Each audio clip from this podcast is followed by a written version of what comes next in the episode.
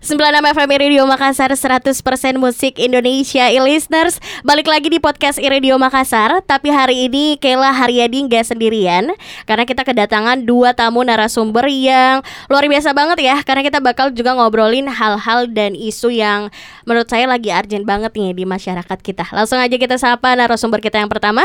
Ada Bapak Purwanto selaku Hakim di Pengadilan Negeri Makassar. Selamat sore Pak Purwanto. Selamat sore. Gimana Pak hari ini kabarnya? Alhamdulillah selalu baik. Oke, dan selanjutnya kita sapa narasumber kita selanjutnya ada Kak Uni dari psikolog klinis UPT Perlindungan Perempuan dan Anak Provinsi Sulawesi Selatan. Halo Kak Uni. Halo. Apa kabar Kak Uni? Baik, baik. Oke, okay, baik ya. Nah, ini nih uh, karena mungkin listeners bertanya-tanya loh kok radio ngundang hakim sama psikolog ya. Jadi hari ini tuh kita mau ngebahas tentang kriminalitas anak nih. Nah, tapi pertama-tama dulu nih ya Pak, saya ke Pak Purwanto dulu. Jadi baru-baru ini saya dapat data dari Polrestabes Makassar ya mengenai isu kriminalitas anak yang cukup tinggi di Kota Makassar nih. Dari catatan terbatas, kasus terbanyak didominasi anak sebagai pelaku kekerasan seksual. Nah, bagaimana sih pandangan Bapak dari perspektif hukum tentang fenomena yang sedang terjadi ini, Pak? Baik, terima kasih ya. Jadi pertama-tama kita harus memahami dulu bahwa uh, ketika anak berhadapan dengan hukum itu ada tiga anak sebagai pelaku, Baik. anak sebagai korban, dan anak sebagai saksi. Baik, Pak. Nah, di dalam keseharian kami sebagai hakim uh, di Pengadilan Negeri Makassar, hakim anak, uh, juga menangani perkara-perkara anak yang tentunya memperhatikan bagaimana uh, psikologis anak dalam memeriksa anak, baik dia sebagai pelaku, sebagai korban, atau sebagai anak. Baik, ya. oke. Okay.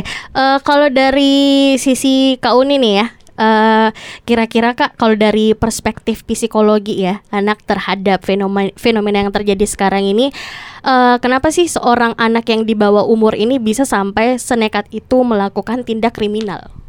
Oke, kalau kita bicara masalah kriminalitas kan tidak terlepas dari masalah kenakalan remaja. Betul. Terus kita kembali lagi ke teori berdasarkan perkembangannya kan memang anak remaja itu masa-masa badai ya storm. Jadi uh, mereka itu ada ketidakstabilan emosi, kemudian uh, mereka banyak men ingin mencoba hal-hal baru. Jadi ketika lingkungan dan dari aspek dirinya sendiri tidak cukup kuat, mm -hmm. itu gampang sekali untuk terjerumus dalam tindakan kriminal gitu. Oke, baik. Tapi kira-kira nih Kak uh, anak-anak umur berapa sih yang mungkin dari umur berapa mereka gampang terpapar nih sama lingkungan mereka akhirnya bisa melakukan tindakan kriminal? Nah, kalau untuk pelaku ya, kalau untuk pelaku itu yang paling rentan usia remaja. Jadi umur sekitar 12 sampai 14 tahun. Betul. Gitu. Kalau untuk korban itu bervariasi lagi. Remaja juga ada, tapi untuk kekerasan sel seksual itu banyak kan sasarannya itu malah anak-anak karena kan mereka iya. dianggap tidak paham ya Betul, dengan hal-hal yang dilakukan gitu. Oke, nah kita sekarang ke Pak Purwanto lagi nih berbicara mengenai kriminal kriminalitas anak nih. Ketika anak sebagai pelaku, apalagi kan sekarang itu Pak yang marak adalah kekerasan seksual ya, ya. dan banyak banget pelakunya anak-anak. Nah, apakah sudah ada Perpu yang mengatur hal tersebut Pak? Baik ya, kalau untuk uh, persidangan di hmm. Pengadilan Negeri Makassar, uh, kita tentu merujuk ke Undang-Undang Sistem Peradilan Pidana Anak. Ya, semuanya mengatur tentang proses uh, bagaimana perkara anak itu ketika ma masuk ada proses diversi, uh, mempertemukan antara korban, keluarga korban, dan mungkin tokoh-tokoh masyarakat uh, atau tokoh agama Baik. untuk menyelesaikan perkara itu dalam bentuk tidak harus masuk langsung ke peradilan, oh, artinya okay. dalam persidangan. Baik. Tetapi bagaimana menyelesaikan perkara itu dengan cara kekeluargaan, e, membina anak, bagaimana bertanggung jawab sebenarnya. Betul. Nah, Oh jadi ini ya Pak, berarti kalau misalkan ada pelaku kriminal anak nih, anak hmm. yang jadi pelaku, berarti nggak langsung dilimpahkan ke pengadilan, tapi melalui proses mediasi dulu? Uh, tidak seperti ini. Jadi ketika anak berhadapan dengan hukum baik mm -hmm. sebagai pelaku, yeah. di setiap tingkatan itu ada prosesnya. Oh, okay. Nah, baik di penyidik, penuntut umum maupun nanti di persidangan oleh hakim. Hmm, Jadi oke. setiap tingkatan itu diwajibkan untuk melaksanakan namanya diversi. Oke, Pak. Diversi mempertemukan antara korban dengan eh, pelaku atau dengan tokoh masyarakat, dengan tokoh adat atau tokoh-tokoh agama. Bagaimana membina anak ini yang telah melakukan ini ada tanggung jawabnya, tetapi eh, menjauhkan dia dalam hal untuk eh, proses di persidangan sebenarnya. Oke Seperti baik itu. Pak. Eh, saya ini agak penasaran ya Pak. Soalnya kemarin tuh saya sempat eh, nonton video juga di YouTube. Ya. Eh, saya penasaran sama gimana sih kira-kira di Indonesia sendiri khususnya di Kota Makassar eh, cara pengadilan ini memberikan hukuman kepada pelaku kriminal anak ini Pak. Apakah hukumannya sama dengan undang-undang yang sudah diatur atau ada undang-undang tertentu untuk pelaku anak Pak? Baik. Jadi kalau untuk ancaman ya perkara anak itu beda dengan eh, orang dewasa. Iya, baik. Tentu ancaman pidananya itu seperdua dari ancaman eh, orang Hmm, dewasa. iya, ya, Pak. Nah, di situ harus dilihat bahwa seperti yang saya sampaikan tadi, ketika melakukan sesuatu perbuatan yang melanggar pidana terhadap Apa? anak, Mm-mm. Eh, baik sebagai anak ataupun sebagai anak sebagai pelaku atau sebagai korban, ya hal yang diperhatikan itu adalah tentang undang-undang sistem peradilan pidana anak. Oke Pak. Nah sekarang kita ke Kak Uni lagi nih. Nah Kak Uni, kira-kira apa sih yang menyebabkan anak menjadi pelaku dalam khususnya terkasus pelecehan seksual nih Kak? Jadi biasanya kan eh, mungkin apakah selain dari kurangnya edukasi seksual atau ada faktor lainnya Kak?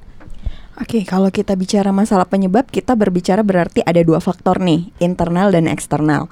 Kalau kita berbicara faktor internal sendiri, itu berarti lebih ke eh, kondisi anak sendiri berkaitan masalah konsep dirinya seperti apa, kemudian dia kemampuan penyelesaian masalahnya seperti apa, kemampuan Mhm. kontrol dirinya seperti apa. Nah, kemudian kalau kita bicara masalah faktor eksternal itu sangat-sangat dipengaruhi oleh aspek keluarga. Aspek keluarga Karena betul, kan penanaman moral atau nilai-nilai sosial itu ditanamkan dari keluarga ketika anak masih kecil. Nah, ketika dari keluarga tidak ada sama sekali penanaman nilai moral itu, otomatis ketika mereka sudah menginjak masa rem- remaja, mereka sudah keluar dari rumah, banyak kan aktivitas di luar, itu sangat-sangat rentan untuk eh, meng- melakukan kriminal kriminalitas seperti itu. Karena kan eh, masa remaja tuh udah mulai ikut-ikutan dengan teman, Ya, betul. pengaruh lingkungan itu sangat besar. Tapi kira-kira nih Kak Uni, seperti yang dibilang sama Pak Purwanto tadi, akan ada juga masa hukuman untuk pelaku kriminal anak. Kira-kira kalau dari sisi psikologinya nih Kak, pelaku bakal jerah nggak sih sama perbuatan mereka atau mungkin bakal kambuh-kambuhan gitu Kak? Gimana nih? Nah, kalau bicara berarti resiko resiko dia melakukan perbuatan yang sama ya. Nah, itu juga biasanya kalau pelaku kita melakukan pemeriksaan eh, tingkat resikonya dia untuk melakukan eh, perilaku yang berulang seperti itu. Eh, jadi banyak aspek sebenarnya yang bisa mempengaruhi apakah dia akan melakukan eh, berulang lagi atau tidak. Baik. Uh, Kalau misalnya dia hanya dalam artian tidak paham atau edukasi dari lingkungan kurang kan ketika dia diberikan edukasi dia Mhm. kemungkinan akan ada efek jerah tapi ketika dia memiliki ke, istilahnya kepribadian antisosial Hmm. nah itu kemungkinan untuk berulang besar sekali apalagi kalau misalnya keluarganya adalah tipe-tipe yang cuek Iya ya betul. pernah dapat kasus yang di mana Hmm. pelaku eh, misalnya anaknya sudah melakukan pelecehan nih malah anaknya yang dibela sama orang tuanya Itu umum terjadi ya Pak ya. Nah, terus nih Pak, eh, kalau misalkan eh, pelakunya ini anak sudah menjalani masa hukumannya, kira-kira nanti kalau udah dibebaskan kembali kembali ke orang tuanya, apakah nanti pihak dari pengadilan ngasih ini nggak sih Pak eh, tim untuk mengawasi biar tidak terjadi kejadian seperti itu lagi atau bagaimana Pak? Oh ya, tentu ini eh, bukan hanya untuk pengadilan sebenarnya, tetapi harus melibatkan eh, pihak lain juga, Baik, Pak. Eh, baik lembaga-lembaga, Hmm? karena eh, proses eh, apa eh, perkara anak ini dalam tingkatan awal itu masih di penyidikan itu itu wajib di, di didampingi oleh pekerja sosial Iya, Pak. ya. Eh, terus dalam perkara pidana anak itu juga diwajibkan ada namanya penelitian masyarakat atau litmas biasanya. Nah, itu wajib itu. Setiap perkara pidana anak itu wajib. Nah, di situ bisa kita lihat eh, latar belakang anak, bagaimana dengan lingkungannya, keluarga dan bagaimana awal masih masa kanak-kanaknya itu bisa ha- oleh hakim atau jaksa atau penyidik bisa melihat dari situ latar belakang anak ini seperti apa, terutama dari keluarga seperti yang disampaikan tadi. Oke Pak, tapi kalau misalkan Pak pernah nggak sih eh, di pengadilan Makassar nih menghadapi kasus di mana pelaku ini eh, ternyata latar belakang keluarganya tidak baik-baik saja Pak. Ya. Nah, apakah kalau misalkan pelaku sudah dibebaskan dikembalikan ke keluarga, tapi mungkin besar resikonya bakal terulang kembali atau mungkin dikembalikan ke lembaga yang bisa lebih mengurus anak tersebut Pak? Oh iya.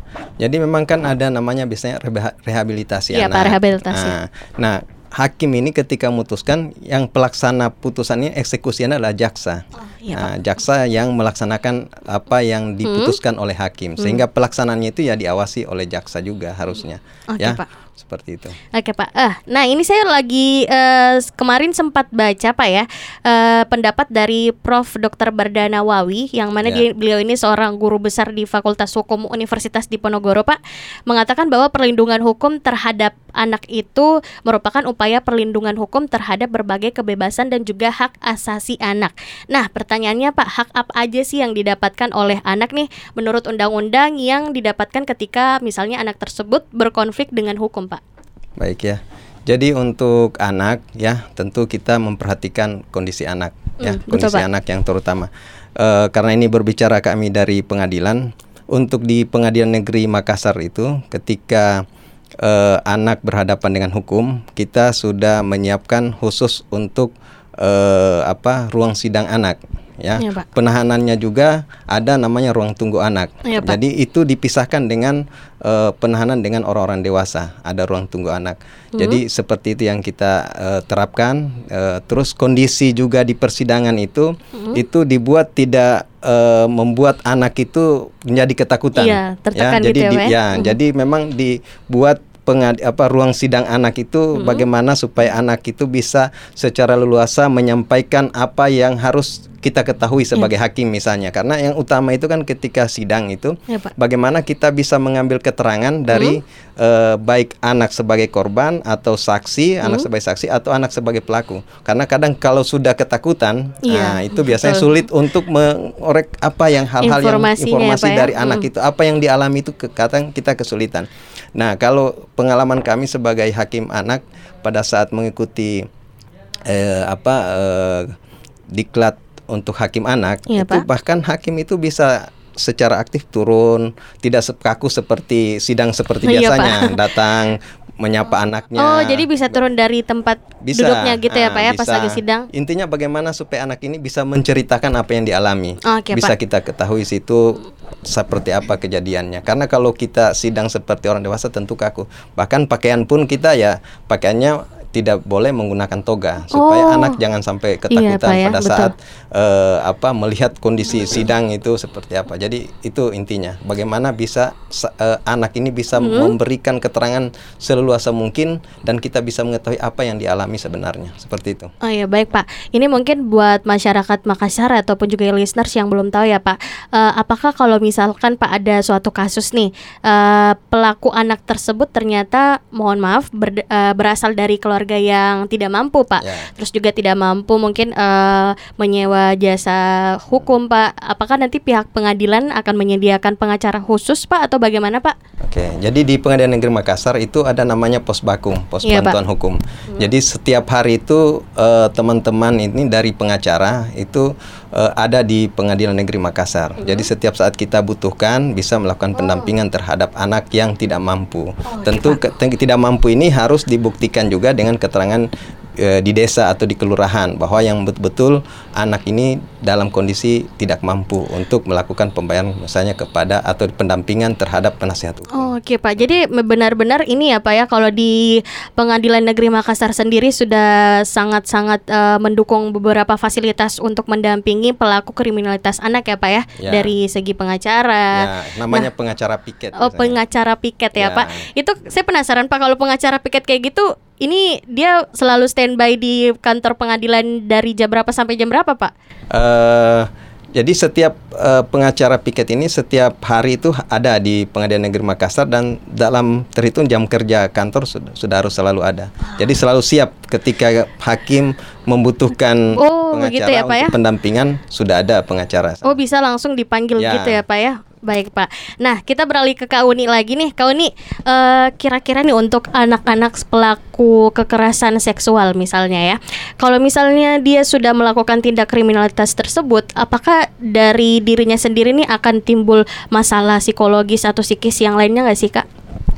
Oke, jadi biasanya orang eh, at- anak-anak atau remaja yang melakukan tindak kriminalitas itu biasanya mereka tidak berpikir panjang Oke. dalam artian mereka tidak akan berpikir bahwa ketika saya melakukan kejahatan nanti akan dipenjara kemudian dampak ke depan masa depan saya akan seperti apa. Nah, jadi eh, dampak yang paling umum muncul itu lebih ke rasa penyesalan sebenarnya. baik. Uh-uh. Saya pernah dapat kasus satu. Jadi uh, si anak ini dia korban bully sebenarnya. Oke, Kak. Kemudian dalam kasus itu dia melakukan pembelaan diri. Dan ternyata pada saat itu orang yang melakukan bully terhadap dia meninggal. Dan akhirnya karena kan sebenarnya dia tidak ada niat untuk melakukan Iya, betul. Nah, tapi dampak ke psikologisnya dia merasa bahwa dia sudah tidak diterima oleh keluarga, dia di- tidak diterima oleh masyarakat dan bahkan dia merasa bahwa eh, masa depannya itu sudah tidak ada lagi karena kan eh, pekerjaan dan segala macam itu biasanya juga akan melihat itu karena kan betul. akan ada catatan hukumnya ya Iya, Pak ya Catatan kriminal. catatan kriminalitasnya Iya, iya. itu jadi akan serba terbatas sebenarnya dan sebenarnya malah kasihan yang seperti itu sebenarnya. Jadi pelaku secara tidak sengaja sebenarnya. Tapi kak eh, berarti eh, dalam hal kasus ini ya, apakah eh, sudah benar kalau misalnya pelaku juga pelaku anak-anak ini juga dirugikan dan butuh perlindungan kak? Sebenarnya kan mereka juga anak dalam artian mereka juga butuh pendampingan sebenarnya. Karena eh dalam perspektif psikologi anak itu meskipun dia pelaku dia juga dianggap sebagai korban, korban dari keluarga, korban dari pola asuh. Jadi sebenarnya kalau dia masih kategori anak kita kita tidak menganggap dia sebagai pelaku, tapi kita mentreat dia juga sebagai korban karena kan sebenarnya eh, mereka seperti ini juga karena ada masalah pengasuhan dari keluarga Betul, betul. seperti itu. Oke, eh, baik. Kalau Pak Purwanto sendiri nih, saya pengen tahu dong kalau misalkan di kantor Pengadilan Negeri Makassar sendiri Pak untuk pelaku kriminalitas anak ini, apakah disediakan juga pendamping seperti psikolog anak Pak? Eh, kalau untuk pendampingan itu itu dari saya sampaikan tadi dari tingkatan aw, apa pertama itu sudah pasti ada ya. Jadi ketika anak berhadapan hukum itu sudah pasti ada pendampingannya ya. Dan ini kita setiap sidang itu harus juga didampingi oleh Bapas. Oh, Bapak Ah, Bapas yang Bapas ini yang, yang melakukan penelitian masyarakat. Beliau nanti pada saat awal persidangan akan membacakan hasil penelitian masyarakatnya itu seperti apa. Baik Pak, tapi kalau misalkan di Pengadilan Negeri Makassar sendiri nih Pak, Bapak selaku hakimnya biasanya selain kekerasan seksual Pak, kasus-kasus apa aja Pak yang melibatkan pelakunya ini ternyata anak-anak Pak? Ya, kalau untuk anak itu kan bukan hanya eh, korban terhadap kekerasan seksual, tetapi seperti kemarin itu ada juga kekerasan eh, fisik, Iya, ya. mm-mm. Nah, ini biasanya kadang yang jadi dilema hakim itu ketika pelakunya anak dan Iya. korbannya juga, Juga anak. anak, iya, Ah, betul, tadi Pak. seperti sampaikan kan, Iya. karena pelaku ini juga sebenarnya seperti jadi korban juga Iya, sebenarnya karena betul. faktor lingkungan. Betul, nah, itulah makanya eh, perlindungan anak ini betul-betul kita menerapkan eh, undang-undang sistem peradilan pidana anak. Kita betul-betul memperhatikan itu, terutama hal-hal mungkin yang menyangkut ancaman pidananya itu di bawah tujuh tahun. Sehingga memang tadi seperti saya sampaikan bahwa wajib dilakukan diversi. Apalagi pelaku ini baru sekali melakukan misalnya, Iya, Pak, betul. bukan hal pengulangan. Mm, nah, Pak. itu wajib kita melakukan diversi terhadap anak tersebut. Kalau eh, misalkan Pak, seperti yang Bapak bilang eh, sudah dilakukan tindakan diversi ya Pak kepada pelaku tersebut. Apakah kalau misalnya sudah diversi dan menemukan titik terang, berarti kasus itu tidak akan dilimpahkan ke bentuk sidang Pak?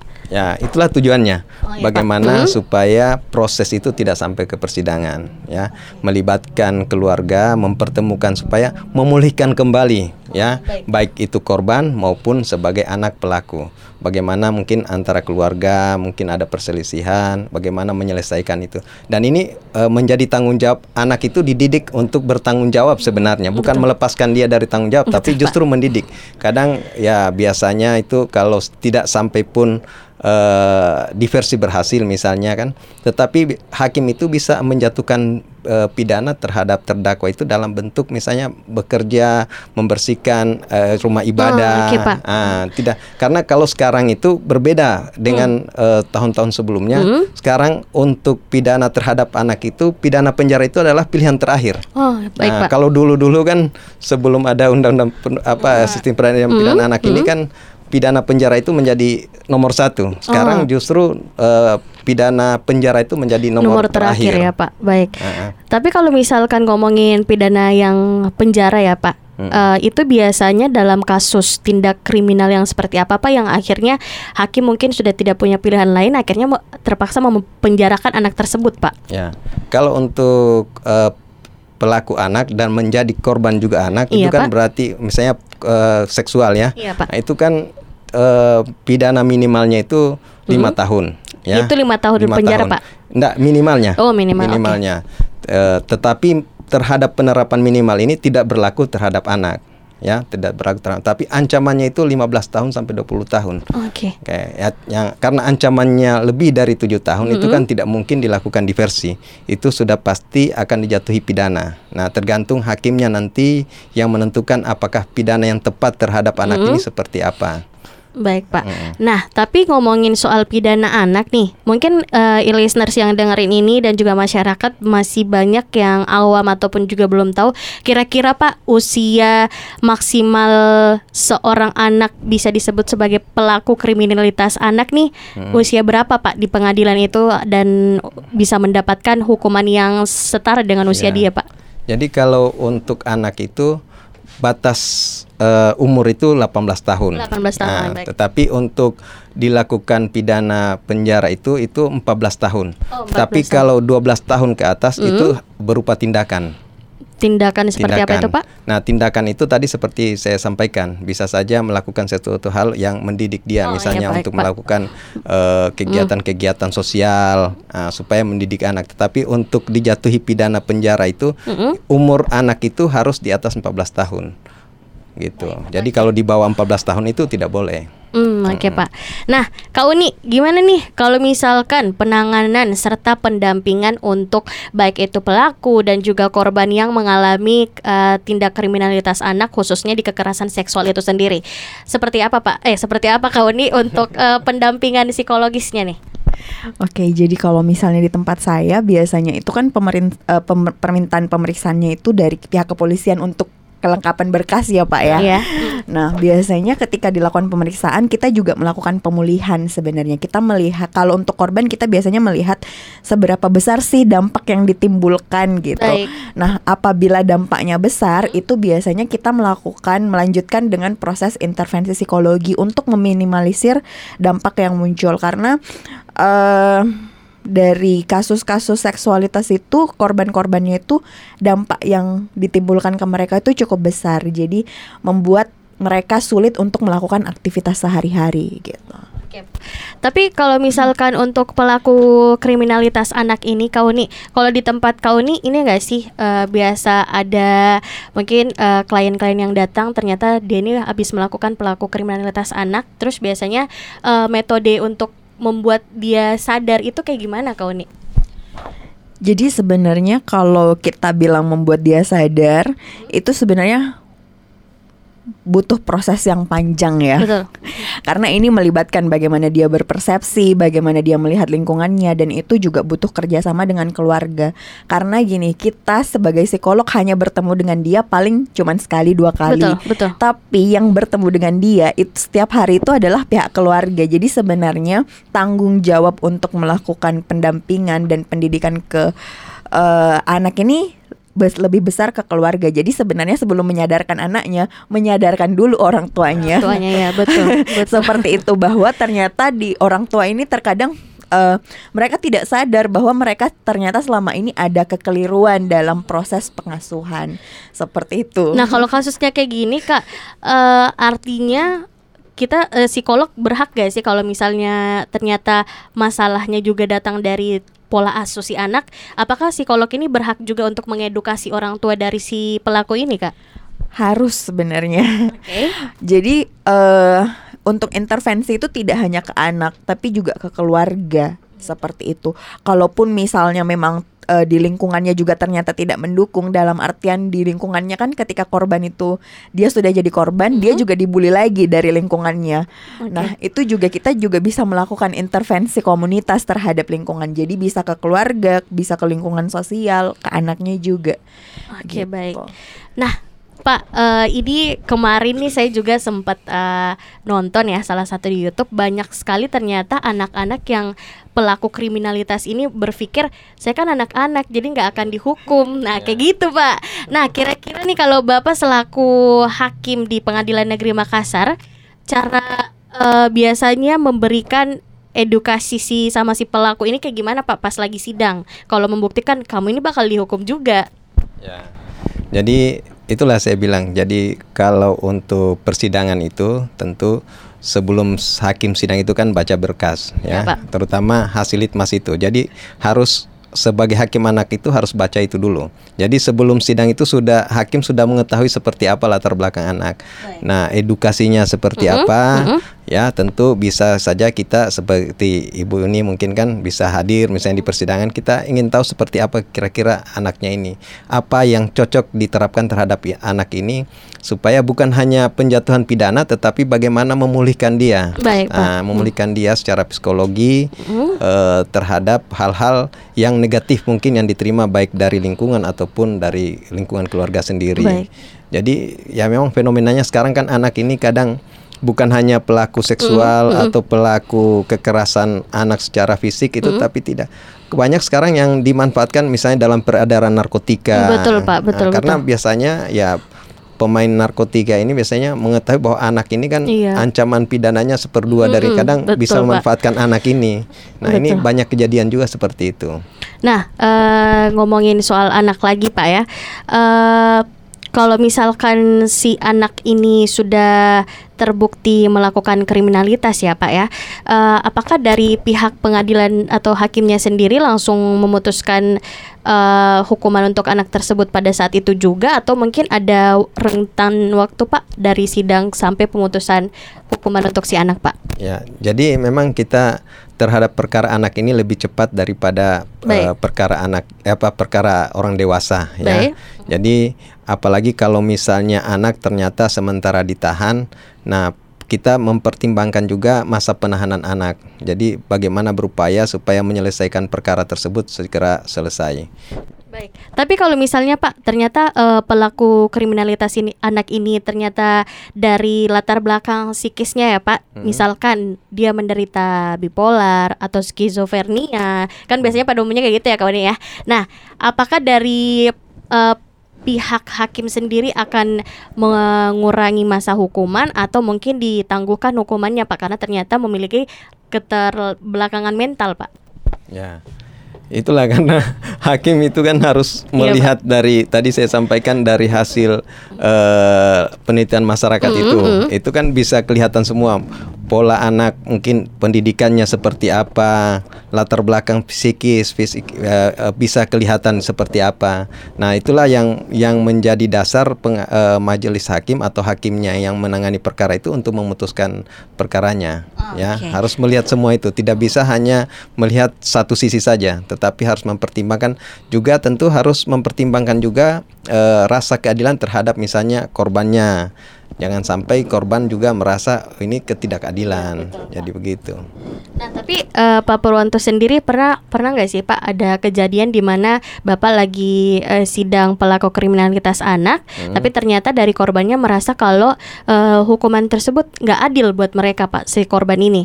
Nah biasanya kalau dari pihak Pengadilan Negeri Makassar gimana nih Pak? Apakah ada mediasi ulang lagi kepada keluarga korban dan juga pihak pengadilan untuk menjelaskan atau bagaimana Pak? Ya kalau untuk melakukan uh, diversi ya, Iya, uh, diversi kembali kepada ini saya kira tidak bisa lagi Oh, ya. iya, Pak. Tetapi korban ini kan diwakili uh, melalui penuntut umum. Iya, ya, jadi ketika misalnya selesai pemeriksaan, Hmm. penuntut umum diberikan kesempatan untuk membacakan tuntutannya.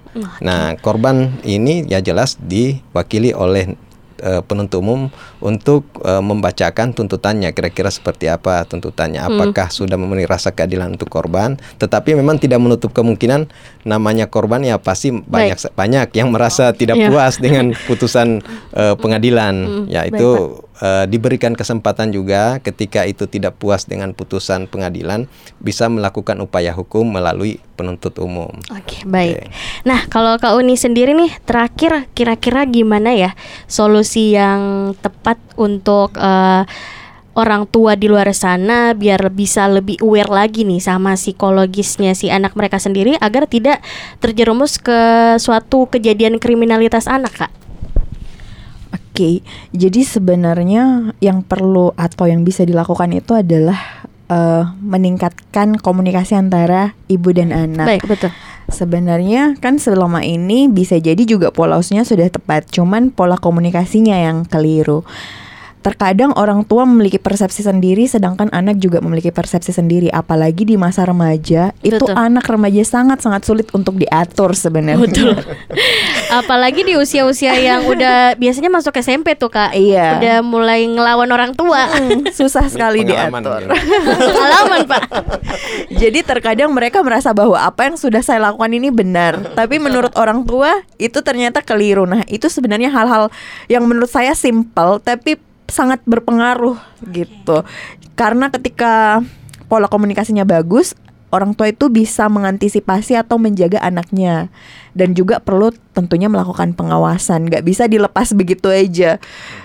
Dia ke mana ke mana orang tua nggak tahu itu juga bahaya. Nah, kita ngomongin soal komunikasi sama anak antara orang tua, Kak. Kira-kira kalau misalnya kan zaman sekarang tuh marak banget ya sama istilah street parents di mana orang tua tuh kayak eh, benar-benar mengawasi anaknya ke mana pun pergi bahkan dilarang-larang kayak ya udahlah nggak usah keluar sama teman bahaya. Nah, apakah kalau dari sisi psikologisnya nih Kak Uni itu adalah pola asuh yang tepat nggak sih ketika orang tua menjadi street parents ke anak-anaknya? Oke, kalau bicara masalah pola asuh sebenarnya berarti pola asuhnya yang kayak kaku gitu ya. betul. Nah, sebenarnya itu juga salah satu bentuk pola asuh yang keliru sebenarnya. Kenapa? Karena anak-anak itu ketika dia terlalu ditekan di rumah, ketika dia keluar dia akan mencari kebebasan dan dia akan membandingkan di Hmm. luar saya bisa bebas, di rumah saya tidak bisa. Betul. Jadi eh, ketika dia di luar, dia akan melakukan hal-hal yang dia inginkan yang selama ini tidak dia bisa dapatkan di rumah gitu. Malah itu semakin berbahaya sebenarnya. Jadi orang tuanya melihat di rumah anak-anak saya baik-baik aja nih, tapi Hmm. ternyata di luar wow ikut tawuran, geng motor Betul, segala betul. macam gitu. Oke, terakhir nih Pak dari Pak Purwanto sendiri, eh, kira-kira gimana sih kalau dari Pengadilan Negeri Makassar sendiri, eh, misalkan ada kasus di masyarakat yang ternyata pelakunya nih kriminalitas anak Pak, bagaimana cara kita bisa melaporkan agar si pelaku ini bisa ditindaki walaupun usianya masih di bawah umur Pak? Ya. Jadi untuk eh, penanganan perkara anak, Hmm. eh, pengadilan ini kan tinggal menerima saja berkas yang diajukan oleh penuntut Baik. umum, ya. Hakim dilarang menolak untuk memeriksa perkaranya. Jadi ketika itu diajukan, berarti suka atau tidak suka, prosesnya harus tetap berjalan. Baik. Nah, pemeriksaannya tetap berjalan. Tetapi itulah sebelum proses ke persidangan itu dilakukanlah diversi dengan syarat tadi tentunya syarat bahwa eh, ancaman pidananya tidak lebih dari tujuh tahun dan bukan pengulangan. Baik. Nah, ketika itu bisa berhasil diversi tentu tidak sampai ke persidangan. Nah, kalaupun tidak berhasil ya pasti ke proses persidangan. Nah, ketika proses persidangan berarti pasti ada putusan situ. Putusannya itulah yang apakah ini bisa diterima oleh anak sebagai pelaku atau anak sebagai korbannya nanti ya itulah diserahkan kembali kepada pihak jika tidak sependapat atau tidak bisa menerima putusan itu bisa melakukan upaya hukum dan itu tidak tertutup. Semua perkara apa pun itu bisa dilakukan upaya hukum. Oke baik Pak. Jadi eh, intinya adalah tidak memandang usia baik itu masih anak-anak ataupun juga udah dewasa, Pengadilan Negeri Makassar pasti akan memberikan hukuman yang seadil-adilnya ya Pak ya. insya Allah. Betul sekali. Nah, untuk kau ini juga closing statement nih kau ini kira-kira apa sih tipsnya untuk orang tua ataupun juga listeners yang dengerin ini udah punya anak ya? Gimana kira-kira cara yang baik untuk memberikan uh, edukasi yang ringan nih untuk anak-anak biar eh, nggak uh, ikut-ikutan sama kriminalitas di luar sana, Kak? Oke, jadi ketika ibu-ibu atau orang tua di yeah. sana ingin me, istilahnya menjaga anaknya -hmm. jangan sampai terjerumus. Sebenarnya pertama uh, pola komunikasi antara orang tua dan anak itu harus benar-benar diperbaiki dan sesuai dengan usianya tentunya ya. Kemudian uh, orang tua juga perlu memberikan perhatian, kehangatan dari rumah karena uh, keluarga itu menjadi aspek yang sangat penting dalam pengembangan kepercayaan diri si anak, bagaimana mm -hmm. dia menyelesaikan masalah, bagaimana mm -hmm. dia uh, kemudian menghadapi masalah itu semua dipengaruhi dari keluarga. Jadi keluarga itu sebenarnya perlu memberikan ruang bagi anak untuk menyampaikan apa sih sebenarnya yang mereka harapkan, apa yang mereka inginkan gitu dari orang tua agar mereka merasa bahwa mereka di rumah itu dianggap, didengar dan merasa berharga Betul. di rumah. Betul, oke. Okay. Baik, oke okay deh. Terima kasih untuk Pak Purwanto waktunya okay, hari terima ini. Terima kasih juga terima buat Kak Uni. Yeah. Dan semoga aja untuk e-listeners yang dengerin ini bisa lebih aware lagi sama anak-anak ataupun juga remaja yang ada di lingkungan Anda e-listeners. Sampai ketemu kembali di 96 FM Radio Makassar 100% musik Indonesia.